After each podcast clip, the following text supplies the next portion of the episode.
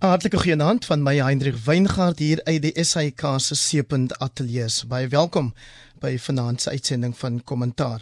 Ons praat dan nou vanaand oor die stygings in die rentekoerse en uh, dit nou onder meer president Ramaphosa se internasionale beleggerskonferensie dan ook die gewone politieke bespreking onder meer die van die KwaZulu-Natal se premier wat reken ons met 'n parlementêre demokrasie raak En dan sal ons ook praat oor die jongste oor die oorlog in Oekraïne. My gaste hiervoor is die bekende ekonom Dawie Rood van die Efficient Groep. Dawie, goeienaand. Goeienaand, Heinrich. Saam met Dawie vanaand die politieke ontleder Dr Piet Kroukamp van die Noordwes Universiteit se Sakeskool. Goeienaand ook aan jou Piet. Ah, sy vinniger die blokke uit. Die man is reg vir die gesprek. En saam met Piet en Dawie, die senior joernalis Pieter de Tooy, hy's assistent-redakteur by News24. Pieter, baie welkom ook aan jou. Dankie, goeienaand Hendrik. Kom ons begin dan julle met Menseregte Dag wat Maandag gevier is en dan ook sommer die president se toespraak aan die nasie oor die voortgesette rampstaat. Pieter, gaan laat jy begin. Cyril Ramaphosa se boodskap op Menseregte Dag was in kort dat die moeilikheid met ras het nie saam met apartheid gesterf in ons land nie. Ja, Heinrich, dit is die boodskap wat elke jaar op Menseregte Dag gelewer word en hierdie jaar was nie 'n uh, eh, was nie 'n uitsondering nie. Die um, president uh, is gemaklik daarmee um, op op 'n dag soos daardie weet die die die monster wat ons nog steeds in ons samelewing moet konfronteer rasisme uit te lig. Um, jy weet en ek dink ons moet ook vir mekaar sê op 'n dag soos Menseregte Dag moet ons ook onthou waarom Menseregte Dag ingestel is en ek dink dit is ook noodsaaklik dat ons herinner word aan uh, aan wat gebeur het in Sharpeville in 1960, jy weet, dit was 'n uh, ander land, 'n ander Suid-Afrika, 'n uh, land waar ehm um, menseregte nie gerespekteer is nie en waar uh waar 'n klomp Suid-Afrikaners in die rug doodgeskiet is. So ons moet erkenning gee aan die geskiedenis en dit is waar ons waarom ons 'n dag soos daardie het. Ehm um, ek dink egter wel dat hierdie regering met president Cyril Ramaphosa aan die spits is nie 'n regering ehm um, wat besig is om uh met met kragdadigheid en uh, doelbewuste fokus um uh uh sekere menseregte soos wat ons dit in die grondwet en die handves van menseregte vervat het uiting na daarin te gee nie. Jy weet daar's nog miljoene Suid-Afrikaners um wat nie toegang het tot basiese dienste nie en dit affekteer hulle menseregte. Um en die rede waarom dit so is is omdat ons op hierdie stadium 'n hoogs ondoeltreffende regering het wat nie die vermoëns het ehm um, kennelik nie die vasbeslotenheid het om sekere menseregte te laat realiseer sodat mense se waardigheid en hulle uh gehalte van lewe kan verbeter nie. Daar duisende kinders gaan nog steeds skool onder bome. Ehm um, sit nog steeds met pit toilette. Dit is elke jaar is daar uh nuus stories wat ons by News24 en elders publiseer oor kinders wat verdrink in oop pit toilette uh toegang tot water, toegang tot elektrisiteit, toegang tot werksgeleenthede wat alles menseregte affekteer want mense se waardigheid affekteer, ehm um, word nog nie deurgevoer deur die regering nie. So ehm um, dit is 'n tweesnydende swaard. Die regering en die president kan praat van van menseregte, van rasisme, uh, maar uh soos soos wat ons al baie van mekaar gesê het, dit dat hierdie regering ook hand in eie boesem steek, Hendrik, ehm um, en uh harde vrae aan homself vra. Eerder Dawie sê Dr Piet, Pieter Groenewald van die VF+ as om ons daaraan te herinner dat die skielik gebeurtenis ook in 2008 plaasgevind het, naamlik dat soos die president dit gestel het, 'n wit man besluit het hy gaan skiet onskuldige ongewapende swart inwoners van daai informele nedersetting daar in ehm um, die Koster gebied dood. Heinrich Kan jy my hoor? Da daar hoor ek jou. Ja. ja. OK, die vraag is? Nee, ek het gesê ehm um, Dr Pieter Groenewald, die ja? VF+ leier sê die president moet dalk eerder aan hierdie kwessies wat Pieter nou uitgelig het aandag gee of aan die feit dat veral met plaasaanvalle ja. wit mense deur swart aanvallers wreedaardig vermoor word eerder as om ons te herinner aan dat dit Johan Nel 'n ja. wit man was wat in skielik op swart inwoners losgebrand het. Weet jy Andre, ek kyk so iets wat anders hierna. En natuurlik ek meen in alle gevalle is hier so natuurlik eh, dinge waaroor ons almal baie bekommerd moet, moet wees, iets wat ons goed wat ons altyd moet onthou en en dit is nodig om om dit dit dit dit dit uh, daar te hê soos wat ons gehad het met die menseregte dag om ons te herinner aan goeders wat in die verlede met Suid-Afrika gebeur het. Maar as 'n ekonom wat ek nou al gesien het, is dat en al hierdie probleme, elke denkbare probleem wat ons nou vanaand oor gaan praat en elke al, alles wat sleg is met die mensdom hou verband met een enkele ding en dit is met rykdomskepping. Uh alles as 'n ekonomie groei en as mens ryk uh, rykdom skep in 'n ekonomie, dan korreleer alles wat goed en reg is daarmee alle elke denkbare ding. Jy kan vind byvoorbeeld lande wat ryk is, is lande met goeie lewensstandaarde, is lande met lae uh, misdaadvlakke, is lande met goeie gesondheidsdienste, is lande met goeie infrastruktuur, is lang man, lande met met hoë lewensverwagting, elke denkbare ding. So as 'n ekonom is my antwoord op al hierdie tipe van probleme en glo my ons het baie probleme in Suid-Afrika aan alle kante en op verskeie vlakke. Uh, maar as 'n ekonom kan ek vir jou sê dat ons kan al hierdie probleme gaan aangespreek word as ons die ekonomie in die groei kan kry. En ek is bevrees met die regering wat ons het, gaan ons nie hierdie ekonomie in die groei kan kry nie. Nou, nou Pieter het na 'n paar goed verwys oor wat die regering reg en verkeerd gedoen het en ek het 'n hele klompie vergelykings gedoen van Suid-Afrika met ander lande in die wêreld, met ander streke in die wêreld, uh, met onsself oor tyd en dis meer. En ek kan vir julle sê om elke denkbare ding wat ek gedink het om te meet, goeie soos byvoorbeeld lewensverwagting per capita BBP, uh, toegang tot elektrisiteit, to toegang tot water, uh, uh, kwaliteit van onderwys, elke denkbare ding wat ek gemeet het, is Suid-Afrika omtrent in alle gevalle besig om agteruit te gaan teenoor die res van die wêreld. En uiteindelik kom dit op die goed, kom dit daarop neer dat die ekonomie swak presteer en die ekonomie swak presteer, presteer en beteken dit al hierdie ander goederes gaan nog verder agteruit gaan. So my antwoord op al ons probleme en glo my daar's baie en ek probeer nie enige van die probleme afmaak as as as minder belangrik nie, maar as 'n ekonom kan ek vir julle sê die antwoord op al ons probleme is ekonomiese groei. En ek is bevrees as ons kyk na die regering wat ons het en die tipe van beleide wat geïmplementeer word, gaan hierdie ekonomie net eenvoudig nie groei nie en solank as wat hierdie ekonomie nie groei nie,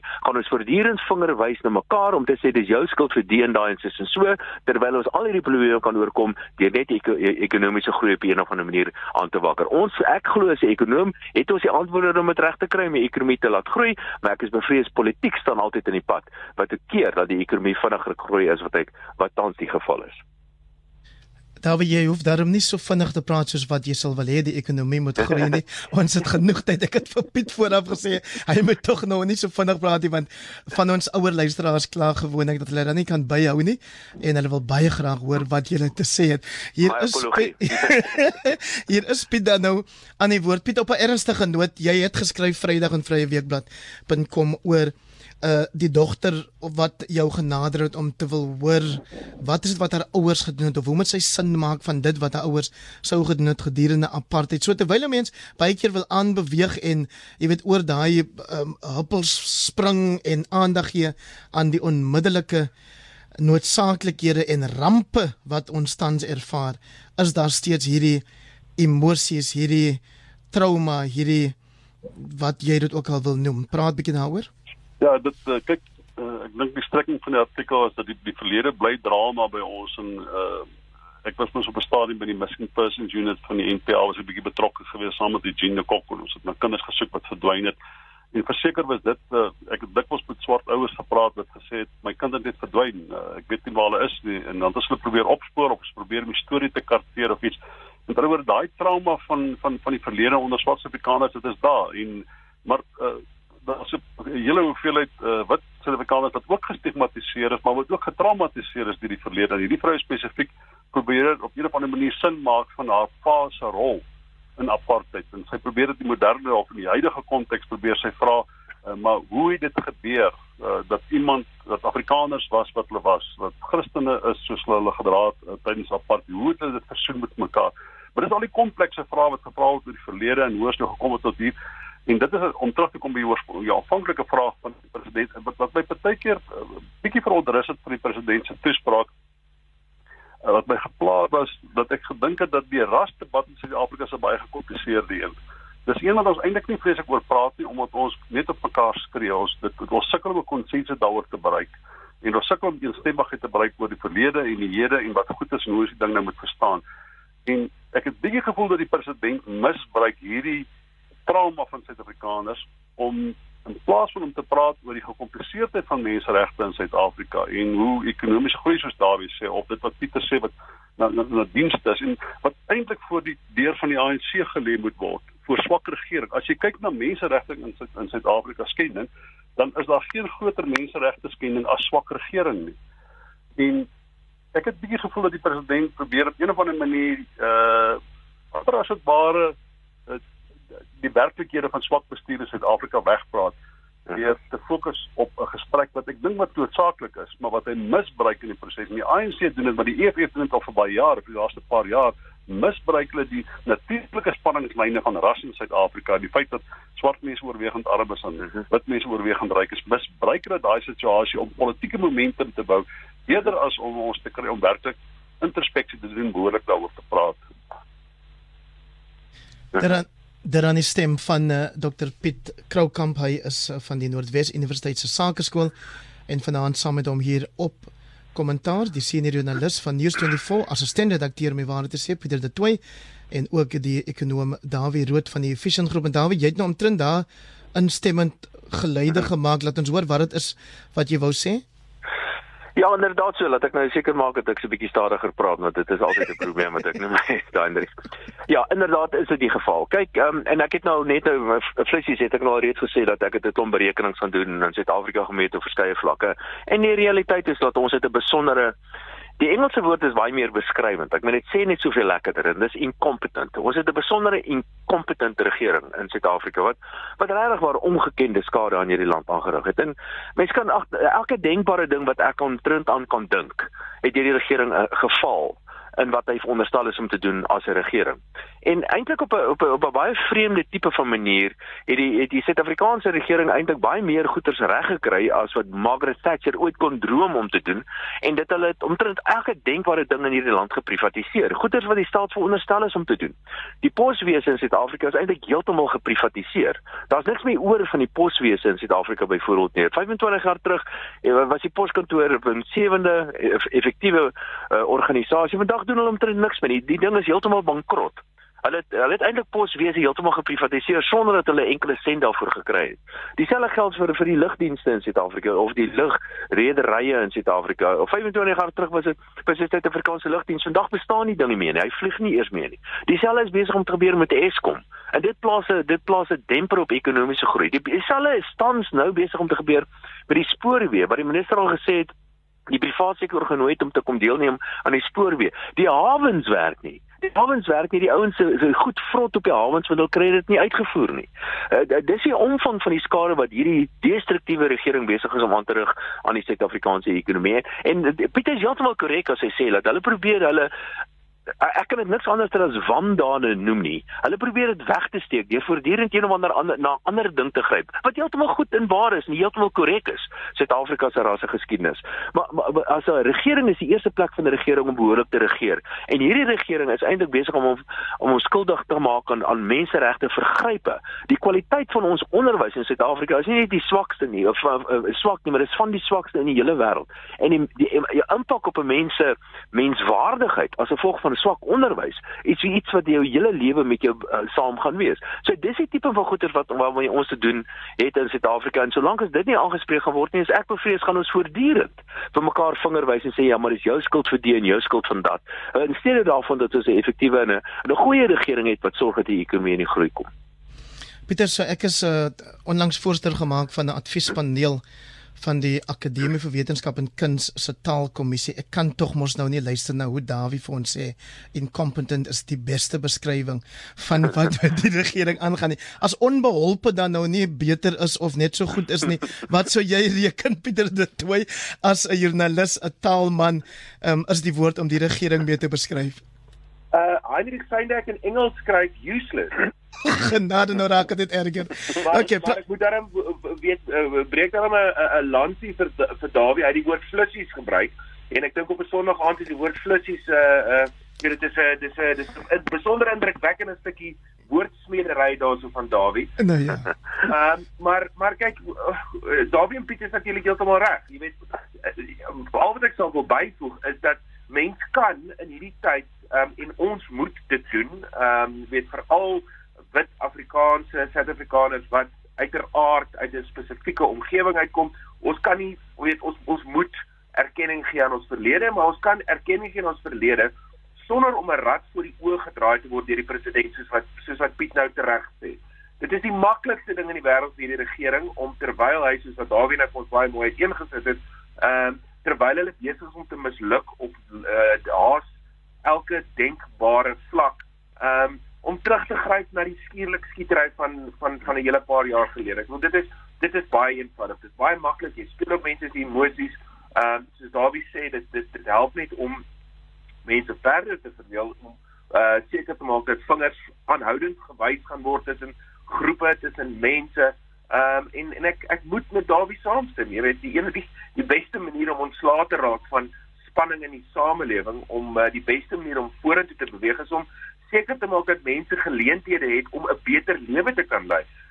Hoe kan jy 'n beter lewe jy lei? Jy kry 'n jy lei 'n beter lewe deur 'n uh, beter opvoeding te kry om seker te maak dat jy 'n 'n 'n goed besoldigde uh werk kan kry sodat jy beter vir jou gesin en jou uh, uh die mense rondom jou kan sorg en dan natuurlik betaal jy belastings aan 'n staat sodat die staat as 'n teenprestasie vir jou dienste lewer in die vorm van infrastruktuur in die vorm van basiese dienste soos water, elektrisiteit en dies meer en dit gebeur nie. En ons het nou by vervelings toe vanaand gesê maar dit is 'n onvermoë, onvermoënde en 'n onbeholpe regering.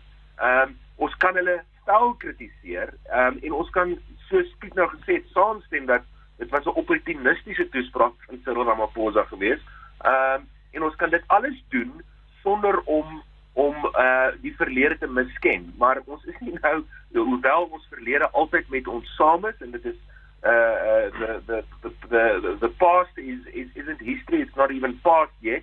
Um dit sal altyd altyd met ons wees maar ons moet nou werklik waar kyk na dit wat voor ons is en ons is 'n land in krisis en ons het 'n regering wat duidelik nie die vermoë het om ons daar uit te kry nie. Maar Piet as vingerwysery dan oor sy om verloor het as 'n aandag afleier. Dan stuur jy 'n vleuer op soos die KwaZulu-Natalse premier Sihle Zigalala gedoen het deur te sê, "Mm, moet ons dit dalk 'n parlementêre demokrasie raak eerder as hierdie grondwetlike demokrasie waaraan ons nou onderwerp word en wat dan nou so sleg sal wees sommige dae spesifiek vir die regerende party.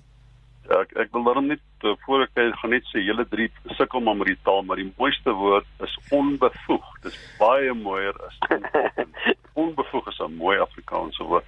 Dankie vir jou uh, bevoegdheid met die taal. Bevoegdheid met die taal.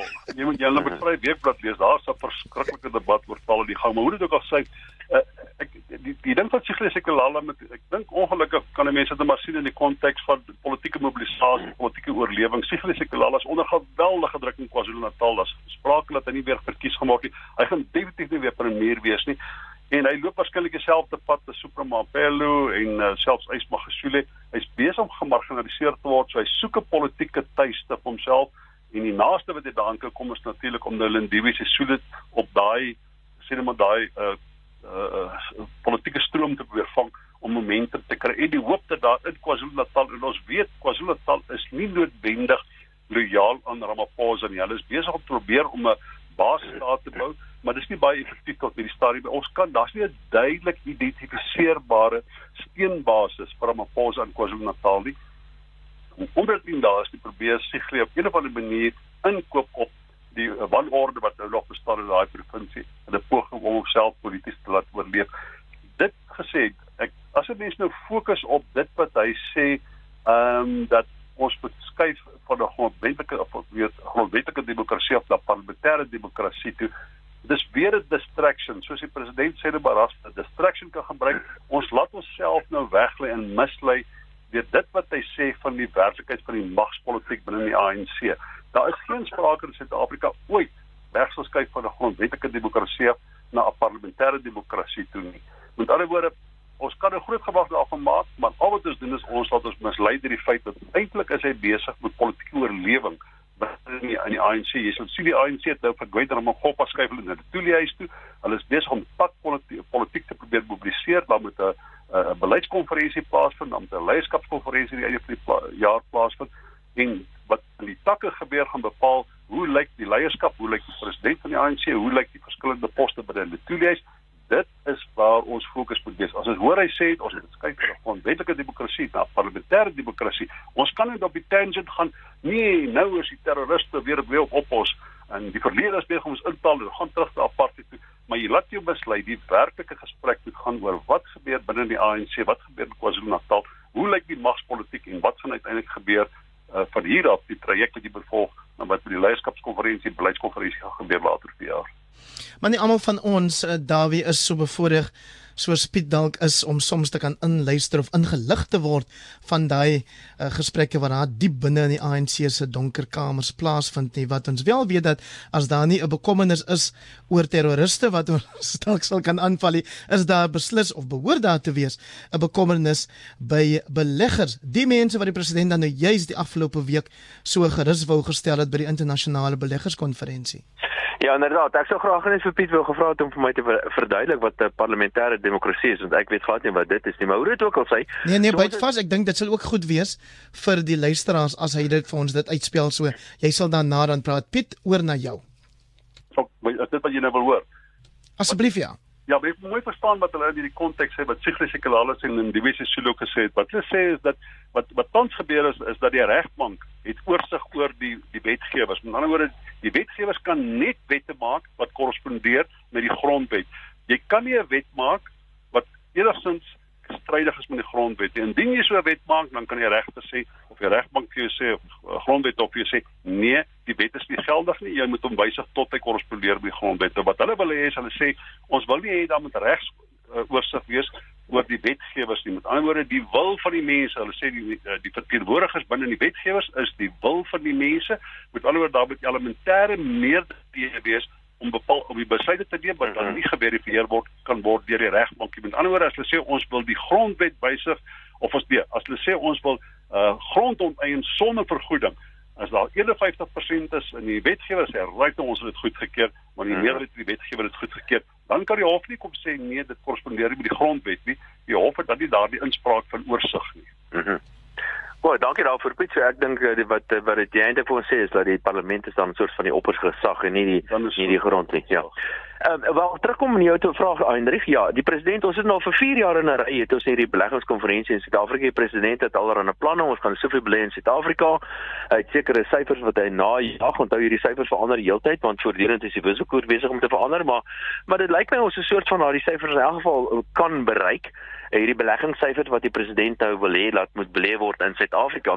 Die probleem is net as mens na hierdie syfers gaan kyk en die berekening van hierdie syfers, dan kom jy se hele klompie dinge agter. Een daarvan is baie van hierdie die belegging sou in elk geval gemaak gewees het. En dit is moeilik om te sê watter van die beleggings sou nie gemaak gewees het nie en watter is nuwe tipe van beleggings want want baie van die beleggings sou in elk geval gemaak gewees het. Die die tweede ding is baie keer van hierdie beleggings wat mense behoef om te doen in die land is beleggings wat hulle verlede jaar en jaar tevore ook beloof het. So dis nie noodwendig nuwe beleggings nie.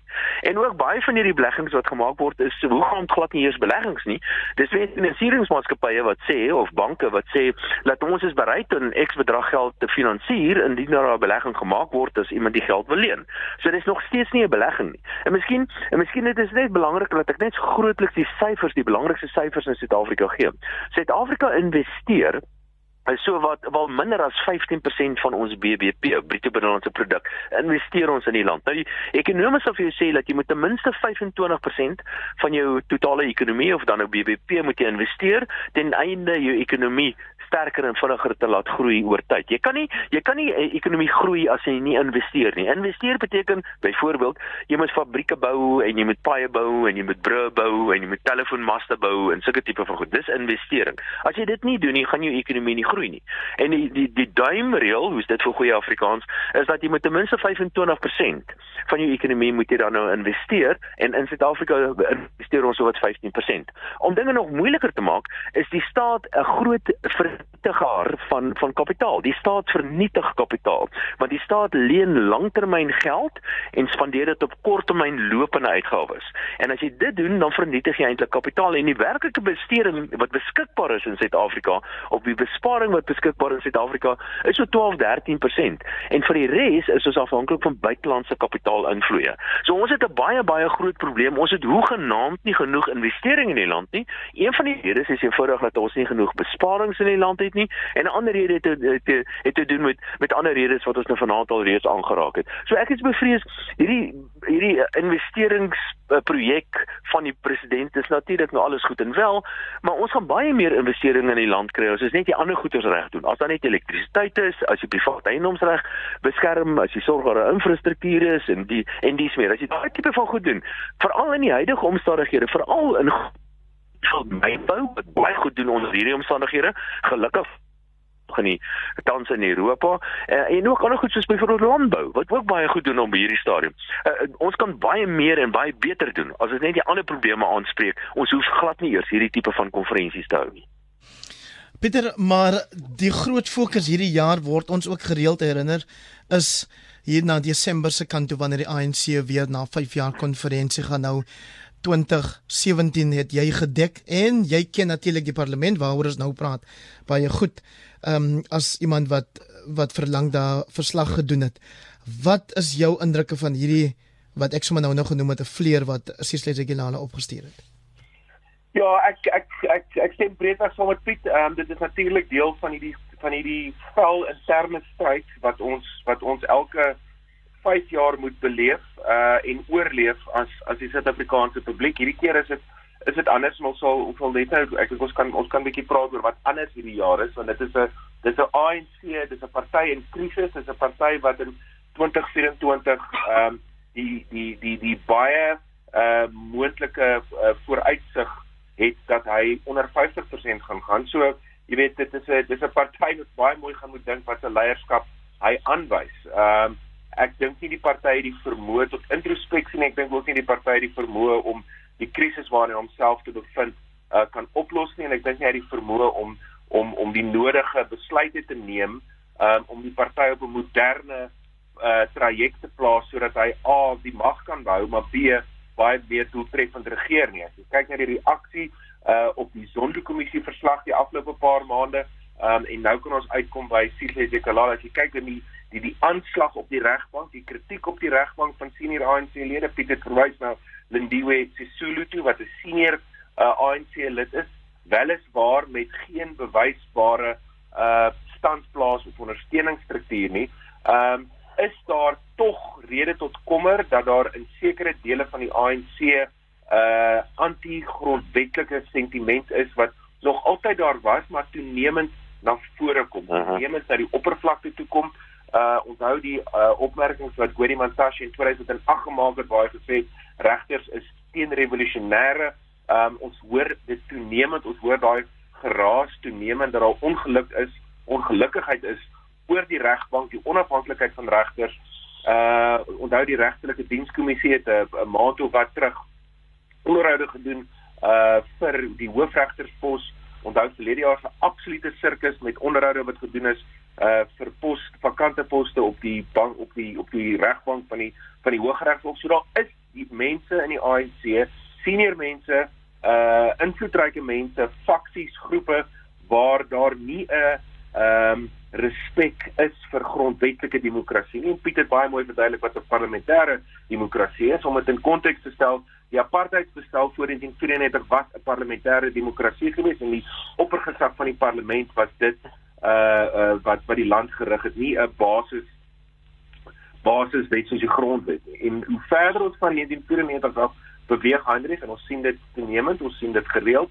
Hoe verder ons van 1994 af beweeg, ehm um, hoe minder begrip is daar vir die oorgangstyd, hoe minder ehm um, insig is daar waarom mense 'n basisdokument soos 'n grondwet nodig het. Ek dink nie ons is in 'n situasie waar waar die grondwet afgeskaf gaan word nie, maar dit is tog kommerwekkend dat daar binne die ANC daardie sentimente bestaan en dink ons kan dit ignoreer nie. Hmm.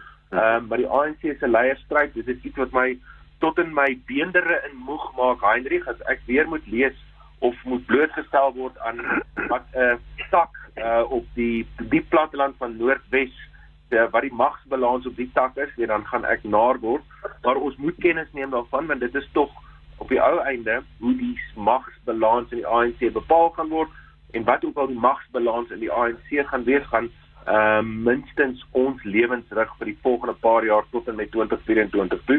Maar die party is soos wat ons in die verlede gesê het voor 'n uh 'n groot vurk in die pad of hy die ek sal ek sal my huisverband daar wet dat hy die verkeerde besluite gaan neem, maar kom ons gee hom die voordeel van die twyfel dat hy dalk die regte besluite kan neem. Cyril Ramaphosa sal 'n tweede termyn kry. Ehm um, wie by om hom gaan kry is die groot vraag wie die adjunk president gaan wees, wie die sekretaris-generaal gaan wees. Ehm um, jy weet wat gaan oor die Mantashe se rol wees? Gaan hy gaan hy dit regkry om 'n nasionale uitvoerende komitee vir homself uh te organiseer wat hom in staat sal stel om sterker op te tree? Dit is die vraag, maar het hy die ruggraat om sterker op te tree? Deur die afgelope 5 jaar sedert 2017 is die antwoord op hierdie stadium nee. Piet so daai huisverband van Pieter kos hom nou 'n bietjie meer nadat hulle sê jy gaan ja gou die afgelope week die president van die Reservebank 'n 25 basispunte verhoging in die rentekoers aangekondig. Dit gee vir ons 'n politieke perspektief daarop wat my en ander sekerlik geïnteresseer het en daar Dawie sal ook nou nou sy mening daaroor gee is die feit dat die president en ek weet nie of hy dit normaalweg sou doen nie, maar baie pertinent gesê het daar was twee lede van die monetêre mhm. komitee wat dit eintlik wou verdubbel het. Uh mhm. -huh. Ja, ek het ek, ek het gehoor hulle sê daar was alles mense wat gedog het miskien moet ons bietjie sterker optree in 'n poging om inflasie voortydig hok te slaan. Maar ek dink mense kan dit wat ons in Suid-Afrika doen en uh, ek moet nou baie versigtig wees want uh, Dawie Rood is nou is nou reg. Ja, maar onthou nou hy sal vir jou ja. nou nou mooi verduidelik soos ja, wat jy vir hom vroeër Ek gaan net my mooi verduidelik. maar wat ek wat ek wil sê is dat dit lyk nie vir my of mense dit wat in Suid-Afrika gebeur kan skei in dit vir die res van die wêreld gebeur nie. Mhm. As 'n uh, inflasie wêreldwyd opgaan, dan gaan ons daai druk ervaar as uh, ons vir geld in onder druk kom, gaan uiteindelik gaan gaan ons probleme hê. Maar ek dink tog as ek kyk na Argentinië byvoorbeeld, wat my bietjie versigtig maak en bang maak in Suid-Afrika. Ek sien lande wat uh baie meer sosiale kohesie het wat 'n uh, langer geskiedenis het van noem dit nou maar 'n uh, relatief bestendige regering uh van 'n beter ekonomie as dit waar soos Argentinië byvoorbeeld het ek gesien dat hulle inflasie het by te beheer geraak. Hulle uh, interest rates of uh, wat wat is dit in Afrikaans? Interest rates rentekoerse. Rentekoerse het by te beheer geraak en dit het enorme gevolge gehad en dit het ontstaan omdat hulle nie hulle skuld kon betaal nie En as ek reg verstaan, as ek dan my goeie vriend Mike Schuessler luister en na Dawie die ouens, ons skuld is buite om besig om buite beheer te geraak. En dis iets wat ons as ons dit nie onder beheer kan kry nie, dan uiteindelik gaan ons geen beheer oor inflasie nie. Ons gaan geen uh, beheer oor rentekoerse nie. En ek sien nie by die staat, ek sien nie by die regering, ek sien nie dat hulle daai dissipline aan die dag lê wat mhm. gemaak dat ons uiteindelik ons skuld onder beheer gaan kan neem. Dit is 'n politieke besluit. Dit is nie 'n ekonomiese besluit nie. Dit het, dit is 'n politieke besluit met ekonomiese gevolge. En soos die ANC nou is, het hulle amper nie 'n keuse as om meer te spandeer nie. Die enigste manier hoe hulle die vorm van bestendigheid en legitimiteit binne die party kan bou, is om eenvoudig meer staatsgeld te spandeer. En dit is die ding wat my bekommer maak, die mate wat ons spandeer op so 'n manier buite orde raak dat ons nie ons skuldklas kan betaal nie. En dan maak dit nie saak wat ons doen met interest rate of met, met rentekoerse nie. Die ding sal buite beheer raak. Dawie, so jy het 'n maand gelede om presies te wees deelgeneem aan die program juis nadat minister Enoch Godongwana sy eerste begroting gelewer het. Wat het dan met die ekonomie gebeur sedertdien? Dat wat het genootsaak het om hierdie verhoging in die rentekoers aan te kondig? Nee, dit was in elk geval op die kaarte gewees. Ons sou in elk geval rentekoerse verhoog het. Daar teen op daai stadium het ons al reeds verwag dat rentekoerse verhoog gaan word. Waarom? Eh, uh, wel om verskeie redes. Inflasie druk wêreldwyd en ook in Suid-Afrika was besig om toe te neem. Ek weet die Amerikaners, hulle het al klaar begin om rentekoerse verhoog en hulle gaan aanhou om te verhoog en en een ding wat uh, wat waar is is dat Suid-Afrika is 'n deel van die res van die wêreld. Um, dit beteken nie ons moet noodwendig presies die internasionale tendense wat rentekoerse aan, betref, aan betref volg nie, maar ons is deel van die monetêre stelsel internasionaal en onvermydelik moet ons maar grootliks dieselfde tipe van rigting inslaan. Maar maar wat interessant is wat die afgelope tyd inderdaad gebeur het, Hendrik, en dit is baie belangrik om ons vir dit baie mooi verstaan. Die 23ste en ek het vir jou gesê destyds toe ons mekaar gepraat het 'n maand terug, het ek vir jou gesê ek grootliks stem ek saam met die minister se vooruitskattinge. Ek dink dit kan behaal word. Dis hy seil so 'n bietjie naby in die wind, maar as dan 'n ernstige ding gaan verkeerd gaan, dan gaan hy nie sy vooruitskattinge uh, uh, uh, maak nie, maar maar ek het nie noodwendig met hom verskil nie. En die volgende dag, die 24ste, toe val Rusland vir die Oekraïne binne en dit is daai ding, ja. daai ding wat verkeerd gegaan het. En laat ek sommer nou vir jou sê, nou, ons het nou ons nuutste inflasie syfers in Suid-Afrika is vir so iets wat dis nie vreeslik erg nie, dis so 'n bietjie aan die bokant van die 3 tot 6% band, so 5.7% is ons inflasie syfers. Die petrolprys gaan nou styg met amper R2 per liter Ek kan nou vir jou sê dat die internasionale verskeidenheid van internasionale pryse het al klaar begin styg en die effek daarvan gaan in ons in die volgende maand of twee begin sien in ons inflasie syfers. Dis goed soos byvoorbeeld veral voedselpryse wat baie skerp gaan styg, graanpryse het baie sterk gestyg. Uh die Oekraïners wat 'n baie groot graanprodusent is in die wêreld, hulle moet nou begin plant. Hulle gaan baie van hulle gaan nie plant nie. Onverskeidenheid, dis nie net om die oorlog nie, maar baie van hulle gaan nie plant nie en nie net in Oekraïne nie, maar baie plekke in die wêreld want grondstowwe of die insetkoste het geweldig toegeneem. Uh kunsmiskoste en uh, mense baie boere gaan sê Melester ek kry nie finansiering om hierdie goederes te plant nie. Ek gaan net eenvoudig nie plant nie, byvoorbeeld. En ek kan sommer nou vooruitskatting of 'n voorspelling waag dat binne 'n jaar gaan ons praat van hongersnood. Hongersnood in lande soos veral in Afrika, die horing van Afrika wat baie baie graan invoer van plekke soos byvoorbeeld um, van Rusland en van die Oekraïne self. Ryk lande gaan hulle eers sorg vir hulle eie mense, hulle gaan hulle eie graan oppot en die die onvermydelik beteken dat die armer lande gaan nie of den baie duurder graan moet begin aankoop internasionaal. So die inflasiedruk is om toe te neem en die inflasiedruk gaan baie toeneem oor die volgende klompie maande.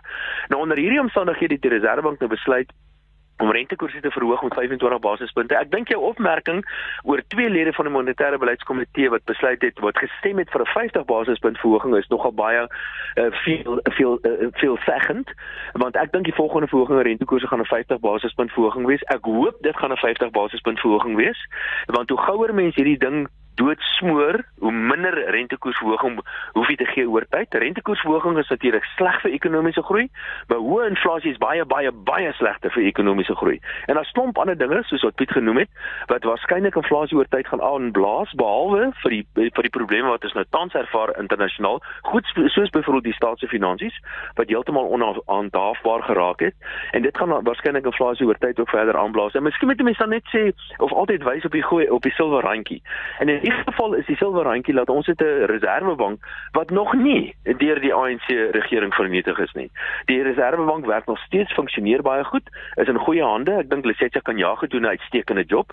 Uh en uh, en hy staan reeds 'n termyn agter die blad. Hy's nou besig met sy nuwe volgende termyn en ek dink ons kan gerus slaap. Is laat ten minste daar een van daardie hefbome in die regering, want die reservebank is maar eintlik deel van die regering wat goed bestuur word en dit is inderdaad die die Suid-Afrikaanse reservebank. Miskien 'n beroep wat ek graag sou wil doen wil doen op die mense van Suid-Afrika. Dit is so. Hoë rentekoerse is pynlik. Hoë rentekoerse raak die ekonomie. Hoë ekonomie, hoë rentekoerse is sleg vir die ekonomie. Maar onder moeilike omstandighede soos hierdie het mense sterk hand nodig, soos die Reserwebank en die rentekoerse te verhoog onder hierdie omstandighede is dit die regte ding. Ondersteun die Reserwebank in hierdie tyd en probeer laat ons almal saamwerk om te verhoed dat rentekoerse heeltemal of liewer dat inflasie heeltemal aan uitdruk, want as dit gebeur, dan is dit gewaarborg dat die ekonomie nog swakker gaan presteer. Pieter, as jy nou 'n werklose Suid-Afrikaner is vanaand of een van daai uh Uber en Bolt uh, bestuurders wat hierdie week ehm um, proteste in Johannesburg geloods het of jy's een van daai tydelike werkers wat 'n sogenaamde COVID uh, werkie gekry het en nou daarop aandring dat die regering jou permanent moet aanstel. As jy een van daai mense is wat in 'n minibus taxi soggens moet klim. Hoe klink dit vir jou as Dawie vir ons sê oor die ouens ondersteun die Reserwebank selfs met hierdie verhoging in die rentekoers. Nee, wel, eintlik weet die ons ons moet soms volwassenes in beheer hê, né? Ons moet soms ouens in beheer hê wat ehm um, wat ongewilde besluite neem uh ter wille van langtermyn stabiliteit en dit sê jy gaan jaag is een van daai en en as ons uh jy weet tydens die staatskapingsjare was die was die kere wat ons baie naby aan die wind gestyl het was die aanslag op die Reservebank en die aanslag op nasionale tesorie. Ehm um, die een van Dawie se gunsteling mense Pravin Gordhan nog in beheer was by by, by nasionale tesorie. Ehm um, so die die volwassenes is, is nog in die vertrek gelukkig by tesorie en by die by die by die Reservebank maar ongelukkig soos wat Piet Pieter reg vroeër opgemerk het baie van die van die baie van die ehm um, dit wat ons terughou in die ekonomie die verkeerde besluite wat ons neem, die verkeerde uh, afdraaie wat ons neem of dit nou is oor staatsbeheerde ondernemings of dit is om ons staatsskuld uh elke maand drasties op te stoot of dit is om uh verkeerde beleidsrigtinge te neem. Dit is politieke besluite en en ongelukkig het Cyril Ramaphosa en sy regering nog nie gewys dat hulle bereid is om moeilike besluite te neem, dat hulle bereid is om ongewilde besluite te neem, dat hulle bereid is om strukturele veranderings in die ekonomie aan te bring wat nodig is om die ekonomie te laat help groei sodat daardie mense na wie jy verwys, die mense wat in taksies ry elke dag, weet die mense wat stukwerk doen, die mense wat ehm um, in almal van ons huishoudings werk wat afhanklik is van van van van van van daglone. Om vir daai mense beter toekoms te gee, jy 'n doeltreffende regering nodig. Ons het nou tot verveling toe gesê dat hierdie regering is nie doeltreffend nie. Jy weet werkskepping, doeltreffende werkskepping, uh die daarstel van 'n uh, omgewing wat uh, bevorderlik is vir ekonomiese aktiwiteit word nie geskep deur die regering nie. So as ek een van die mense is wat af, wat wat elke dag taxi geld moet betaal, wat elke dag uh, my karige inkomste moet gebruik om die mees basiese voedsel soos uh, mieliemeel en dies meer aan te skaf. Sal ek bekommerd wees want daai pryse gaan net aanhou klim. Ehm um, anekdoties ehm um, mense in my omgewing almal vertel vandag in die braaivleis hier Sondag hoe duur lewenskoste raak en hoe as dit vir die vir die middelklas so duur is, hoe is dit vir die mense wat nie permanente werk het nie? Hoe moeilik is dit vir mense wat ver woon van hulle ehm um, van hulle van die van die plekke waar hulle werk wat baie geld moet spandeer aan vervoerkoste want brandstof gaan duurder raak en daai brandstofkoste gaan ek afgeskryf word op die verbruiker. So ek sal mhm. diep bekommerd wees ehm um, en ek sal baie mooi dink ehm um, oor die volgende jaar of wat vir wie ek gaan stem wanneer ons weer 'n uh, uh, algemene verkiesing het in 2024. It's about the economy. It's the economy stupid. It Bill Clinton in 1992 gesê, dit bly nog steeds waar. Peter Cyril nou so praat van Cyril Ramaphosa en sy regering wat nie bereid is om moeilike besluite te neem en dan hoor ek sommige mense sê wat jy waar kry dis eintlik die NEK die nasionale uitvoerende komitee van die ANC stupid wat die besluite neem. Ja, hulle die naweek het hulle gesit en uh, wat vir my interessant was, daar was 'n bietjie van 'n argument gewees vir hoekom tree die ANC nie sterker op teen Batabile Tubini byvoorbeeld nie. Uh en daar was geleide gewees dat uh veral uh, Ronald Lamola het blykbaar 'n uh, argument argument gevoer uh vis-à-vis dit van Sigrid Sekelala wat gepraat het van die parlementêre demokrasie. So daar is definitief binne die binne die uitvoerende komitee is daar baie sterk stemme en ek dink wees hoef nie te twyfel daaroor dat Ramaphosa uit die oorhand in die uitvoerende komitee uit die uitvoerende uh, uh die oorhand in die in die werkskomitee vir die ANC.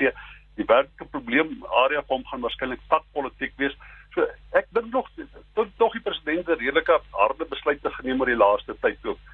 Uh dit is nie heeltemal waar om te sê dat hy geen moeilike besluite geneem het. Die mense kan van op verskillende heel plek plek en soms dra hulle met 'n besluit, maar uh magspolitiek uh, maak dit baie keer maak dit dikwels baie baie moeilik om uh, om uh weet onmiddellike tipe van besluite te neem en dit dan ook nog deur te voer. So ek ek ek wil net sê as ek net vinnig kan verwys met wat Pieter dan gesê het is uh inflasie gaan gaan gaan eintlik die arme mense die mees in terme van jou vraag wat gaan oor wat sê mense vir die -huh. jou wat die taksies ry goed. Inflasie gaan daai mense die heel seerste maak. Jou wat moet eet gaan verskriklik skeer. Arme mense -huh. word baie harder geslaan deur inflasie as ryker mense. Nou uh, middelklas mense is ek gaan seer gemaak word deur inflasie by die petrolpryse ensovoorts, maar ek gaan ook seer gemaak word die feit dat ek 600 000 rand op my huis skuld met hulle met daai verhoogde uh, uh, rentekoerse gemaak het ek baie meer op my huis moet betaal. Ons almal gaan baie swaar kry. Maar as jy uh, as die as jy praat oor die taxi gaan klim, inflasie gaan daai mense baie seerder maak as wat rentekoerse wat hulle waarskynlik die skuld het.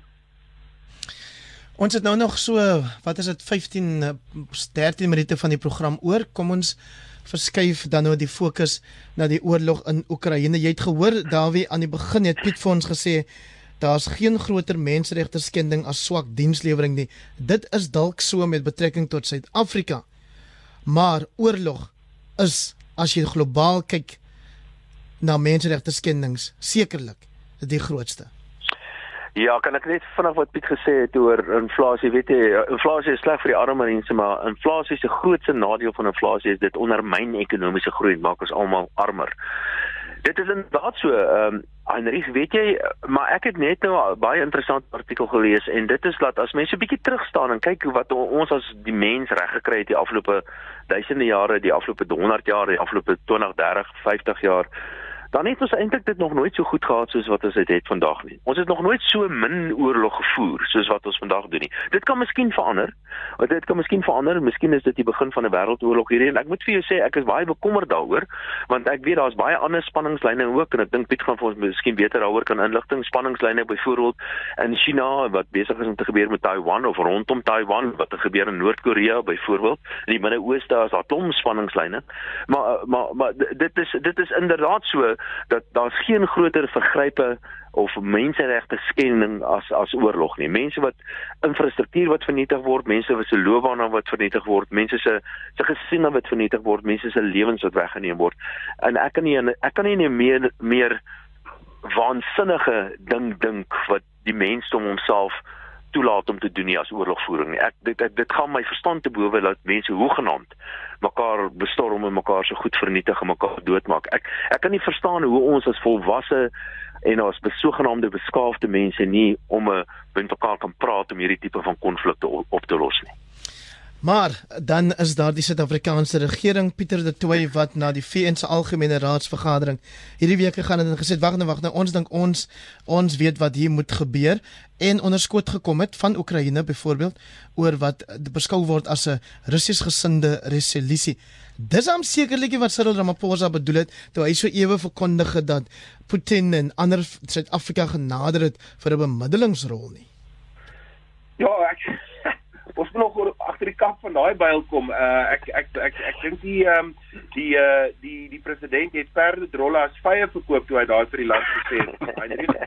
Uh want dit lyk nie asof daar enige uh uh beweging is om Ramaphosa en Suid-Afrika te betrek as 'n as 'n bemiddelaar. As dit sou wees het ons ons kanse daarop finaal gesink verlede week in die algemene vergadering van die Verenigde Nasies toe ons 'n uh, 'n uh, 'n uh, mosie wat deur die oorweldigende meerderheid van lede van die Verenigde Nasies probeer ehm um, verander het. Nou die motie wat voorgestel is onder andere in Frankryk ehm um, het gefokus op die humanitêre krisis wat besig is om te ontstaan in die Oekraïne en hierdie skuld uh voor Rusland gesedeer gepaal ja. omdat Rusland die land uh eensaidig ingeval het en besig is om natuurlik groot ontbering en lyding te veroorsaak. Dat Suid-Afrika het toe voorgestel dat die dat die motie verander word ehm um, en in die in die teks wat toe gesirkuleer is onder lande in die Verenigde by die Verenigde Nasies se algemene vergadering besou net mooi geen verwysing na Rusland nie. Ehm um, so weer eens het Suid-Afrika probeer um, om op die, die draad te sit maar het so uh, baie duidelik aan die kant van Rusland aan die ander kant afgetuimel dat dit eintlik 'n groot verleentheid vir Suid-Afrika was gegee die oorweldigende internasionale eensgesindheid oor Rusland se aggressie. Dit was so erg geweest dat die Oekraïense ambassadeur uh, by die algemene vergadering is kleine kritiek gelewer het op Suid-Afrika en ek het ehm um, die aand uh, na die sitting in, in New York het ek 'n baie kwaai boodskap van 'n uh, senior diplomaat, 'n uh, Europese diplomaat wat gestasioneer is in een van die groot hoofstede in Europa gekry wat gesê het, "Did you see what your country disgracefully tried to do in New York tonight?" En dit is die sentiment wat besig is om pos te vat by ons grootste handelsvennote. Daardie kan ons baie vertel oor hoe belangrik ehm uh, 'n handelsblok soos die Europese Unie is. Hy kan vir ons vertel oor hoe belangrik dit is om deel te bly van die uh, uh Africa Growth and Opportunity Act in Amerika wat vir van ons uh, bedrywe vo voorkeur toegang tot daardie markte gee. En wat besig is om te gebeur Heinrich is dat uh uh van ons grootste handelsvennote van ons grootste vriende histories is besig om kennis te neem van ons lamsakkige rol in hierdie uh uh internasionale krisis waarmee ons besig is uh dit word opgelet, dit word gesien. Ehm uh, en ons is besig om onsself uit te rangeer as ons al ooit daar was uh onder van die voor wêreld se voorste lande tot 'n seelige land met die manier waarop ons hierdie besig is om hierdie te hanteer en of dit ons in die toekoms gaan seermaak sal net die tyd leer maar wanneer die Amerikaners byvoorbeeld die Africa Growth and Opportunity Act eersdaags uh, gaan moet heroorweeg is dit iets wat definitief op uh, die besluitnemers se tafels gaan land hoe Suid-Afrika homself en waar hy homself geskaar het in hierdie krisis. Ons is uh ons is 'n kameraad en ons uh, is aan kameraad Putin se kant en dit is baie duidelik. En daar is naas Amerika natuurlik ook die ander NAVO-lande Piet wat kyk na wat nog genoem word Suid-Afrika se neutraliteit ten opsigte van hierdie oorlog. Jou reaksie? Ja, ek, ek wil dan net een so van neutraliteit gepraat het. Uh, kyk ek is nou deel van die Great and Wash van Melville wat beteken Dawie Rood nooi my nie sommer na daar na sy wilde boon in in Waterkloof rif of waar ook al nie maar ek wil bitter graag eendag genooi word wanneer sy Russiese skoonpa tuis is en daar 'n gesprek is want ek vermoed dit moet 'n warm tafel wees daai. Ehm um, Luister man, die, die, die, ek dink Pieter vat dit te ver. Ek ek dink alle eerlikheid daar's die die die great great opportunity act is dis nie ter sprake Suid-Afrika se nie. Ons rol as deel van die G20 is waarskynlik nie ter sprake nie. Die Amerikaners en die Wes-Europeërs het nog nooit eers enigiets iets anders van ons verwag nie. Hulle weet waar ons politieke loyaliteit is. Hulle weet ons kyk na hierdie saak ideologies, nie in terme van menseregte nie. Ons het 'n historiese verbintenis met Rusland, 'n historiese verbintenis met Cuba. By the way, Cuba het teen die Russe gestem met die eerste resolusie van die VN. Ons is nie ons was nie eens bereid om daai sprong te neem nie. So hulle weet ons kyk ideologies op die ding en hulle maak onderskeid tussen ekonomiese verhoudings en hierdie politieke ingesteldheid van Suid-Afrika. So ek dink dit dit het gaan hierdie gaan niks konsekwensies regtig vir ons hê nie. Daar is al reeds 'n bitter smaak in die wêreld se bek oor partykeer hoe ons osself gedra en hoe swak ons bestuur en die korrupsie en die staatskaping en dit speel 'n groot rol dink ek. Mhm. Maar self dit sal ons nie vervreem van die internasionale politieke ekonomie noodwendig nie. Uh en wat daartoe betref, daar speel ons geen rol nie in die president se kaas om te bemiddel tussen Rusland en Oekraïne, daar daar is geen sprake daarvan gewees nie. Ek dink net ons moenie ons rol oorspeel in hierdie wêreldpolitiek nie. Is nou Amerika besig om sy rol sy hand te oorspeel Pieter as jy die president Joe Biden hoor sê for God sake this man met verwysing na Putin cannot remain in power. Ja. Maar dit lyk nou nog 'n nog 'n nog 'n fou pa van uh, van van Biden en ek lees Ek lees in die New York Times vandag die uh, die raad Biden se raadgewers moes skarrel om dit te verduidelik want die die die die die regte van Amerika, die Tucker Carlson, Fox News, uh uh die die meer regte volksvleuel van die Republikeinse party um, is is ook besig om die die tipe uitsprake te maak dat Putin ag dat dat Putin uitgehaal moet word. Nou natuurlik, dit is nie die tipe ding wat jy wat jy wil hê dat senior politieke leiers in openbaar moet kwytraak terwyl uh Europa uh verder en verder ingesuig word in die grootste militêre konflik sedert 1945. Ehm uh, maar Biden, Amerika, NAVO, uh Duitsland en die lande is besig om 'n baie fyn lyn te loop tussen uh om vir Putin uit te lok waar hy sal besluit om die spesiale militêre operasie uit te brei uh van van die Oekraïne af. Uh Putin Biden het verlede week gesê dat en ek haal hom aan dat Amerikaanse wapens stroom by die Oekraïne. So die vraag is vir my nogal tot op watter punt sal Putin dit toelaat voordat hy Amerika daarvan beskuldig dat hy direk by die betrokke hmm. direk by die oorlog betrokke raak. Dis 'n groot gevaar. So so NAVO Biden en en en en en in die EU ehm met 'n baie baie fyn fyn fyn spel speel hier so deur nie vir Putin verder uit te lok dat hy dat hy dat hy dat hy besluit om om uh, om om hemelsnaam uh, nie die kernwapens byvoorbeeld te gebruik nie. So hmm. so dit is uh, dit is 'n baie fyn dans wat hulle moet uh, wat hulle moet uitvoer, Hendrik. Dawie, maar ek hoor nog steeds die president van Oekraïne Volodymyr Zelensky vra vir NAVO die Noord-Atlantiese Verdragsorganisasie stuur vir ons 1000 missiele per dag. Stuur vir ons net 1% van julle wapentuig. Dan sal ons vir Putin wys waar die wortels in grawe. Ja. Um, ja, ek moet vir jou sê ek is nou nie ek is nou nie 'n militêre kenner of 'n politieke kenner soos my kollegas nie, maar maar ek weet as as as Amerika of NAVO moet 'n met 'n met 'n trein aangery kom met 'n klomp uh, vuurpyle en hulle ry deur Pole byvoorbeeld hulle gaan op pad om dit te gaan aflewer in die Oekraïne, dan sou ek nou nogal reken dit is 'n geldige teken vir Putin, want wat dit is wat my betref sekerlik maar is dit nie maar maar 'n daad van aggressie nie dink ek Uh, maar miskien net Suid-Afrika se posisie. Ek dink ons is besig om Suid-Afrika se posisie of Suid-Afrika heeltemal te oorskat. Suid-Afrika is nie belangrik in die wêreld se oë meer nie. Suid-Afrika is 'n ou klein landjie, ekonomies beteken ons eintlik niks nie. Ons is nie meer die morele hoëgrond wat ons gehad het 10 of 20 jaar terug nie. Suid-Afrika is eintlik heel onbelangrik, maar maar maar dit gesê, wonder ek baie keer mense vra vir my die vraag wat wat moet Suid-Afrika nou eintlik gedoen het? En ek dink die Suid-Afrika se beste opsie op hierdie stadium is om te doen wat die Indiërs doen of te doen wat die Chinese doen op 'n manier. En dit is om soort van nie eintlik iets te doen nie. Moet nou nie kant kies nie dink ek.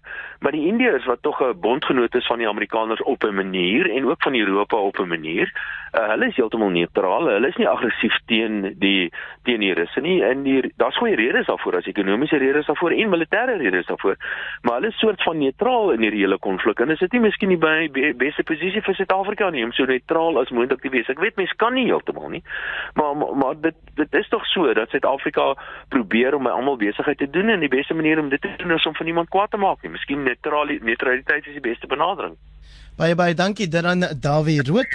Hy is die hoofekonoom van die Efficient Groep wat vanaand aan kommentaar deelgeneem het saam met Pieter de Tooy, News24 se assistent redakteur en die politieke ontleder Dr Piet Kroukamp van die Noordwes Universiteit se Sakeskool. Ek waardeer julle tyd en insigte.